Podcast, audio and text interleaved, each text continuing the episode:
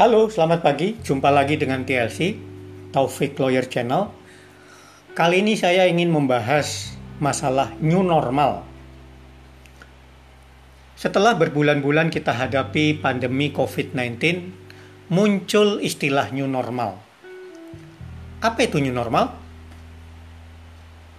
New normal yaitu adanya kebiasaan dan ketentuan baru yang berlaku umum yang berbeda dari sebelumnya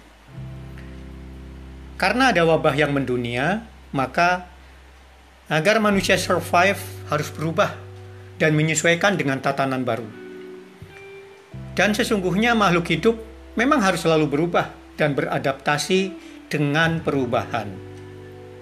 Tetapi kali ini, karena manusia menghadapi hal yang sama secara bersamaan, maka perubahan itu menjadi tersistem, dilakukan dalam waktu yang bersamaan dan secara masif Kodrat makhluk hidup, termasuk manusia, adalah menghadapi tantangan dan mengatasinya. Di zaman prasejarah, manusia harus survive menghadapi perubahan alam, ancaman makhluk buas, ataupun tantangan lain untuk mendapatkan sumber makanan. Keadaan sekarang, baik yang bekerja, usaha mandiri, ataupun mengelola perusahaan, hampir semua mengalami keadaan yang sulit. Dan Tentu saja kita sebagai makhluk yang paling lengkap secara fisik maupun non-fisik tidak boleh menyerah. Kita harus bisa survive dalam keadaan apa pun. Untuk para pekerja harus bersiap menghadapi kemungkinan buruk. Mungkin adanya rasionalisasi atau pengurangan pekerja di perusahaan Anda. Dari sekarang harus mulai bersiap untuk punya kegiatan yang dapat menjadi sumber penghasilan lain di luar gaji. Apakah jualan online atau menjadi reseller produk, maupun kegiatan yang berbasis bakat atau hobi seperti menulis, merancang baju, make up artis, dan lain sebagainya.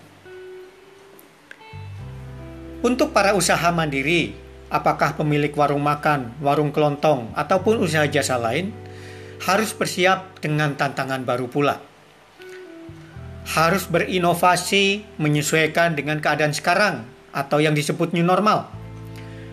Selain pada warung atau outlet, harus disiapkan standar prosedur COVID-19 seperti hand sanitizer, tempat cuci tangan, dan apabila mungkin alat pengukur suhu. Selain itu juga harus lebih proaktif atau lebih mobile. Harus punya layanan antar kalau belum siap bekerja sama dengan transport online, sementara bisa memberdayakan ojek pangkalan di sekitar warung atau sekitar outlet. Mungkin perlu dipikirkan juga alternatif atau tambahan produk yang lebih dibutuhkan pada saat sekarang. Kemudian, untuk perusahaan menengah ke atas, apa yang mesti dilakukan? Saya kira untuk perusahaan menengah ke atas lebih banyak alternatif dan relatif masih cukup bisa bertahan dalam waktu beberapa lama ke depan. Karena perusahaan menengah ke atas biasanya punya dana cadangan. Sudah jadi keniscayaan sebuah perusahaan yang mapan biasanya menggunakan sebagian keuntungan dicadangkan untuk dana emergensi. Untuk perusahaan yang cukup besar dan masih bertahan dalam jangka yang relatif panjang, dapat melakukan hal-hal sebagai berikut di antaranya. Satu, aktifkan tim manajemen krisis. Apabila belum ada, segera bentuk organisasinya. Tugas tim ini adalah untuk mengidentifikasi masalah, hal-hal yang terkena risiko, dan membuat rencana penanganan dan usulan solusi dalam mengatasi krisis tersebut. Yang kedua, tetap lakukan komunikasi dengan semua lini, baik antar manajemen, penyelia maupun staf pelaksana. Hal ini penting untuk tetap memelihara rasa kebersamaan maupun semangat dan sense of belonging. Ketiga, maksimalkan pelatihan. Dalam masa sulit, perusahaan justru disarankan untuk memaksimalkan pelatihan. Pada saat beban kerja berkurang, maka karyawan harus dibekali pelatihan untuk peningkatan kemampuan. Sehingga, pada saat keadaan membaik dan beban kerja meningkat, mereka sudah lebih siap untuk menghadapi tantangan apa pun. Keempat, lakukan konsolidasi. Lakukan konsolidasi untuk memperteguh dan memperkuat tim kerja sehingga menjadi lebih solid, tangguh, dan siap menghadapi tantangan yang lebih berat. Yang kelima, lakukan restrukturisasi. Tata dan susun ulang organisasi perusahaan agar lebih ramping, efisien, dan efektif.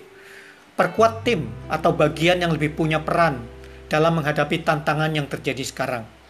Dan kurangi bagian atau unit yang kurang perlu Lakukan skala prioritas dan efisiensi untuk memperbaiki dan memaksimalkan kinerja perusahaan.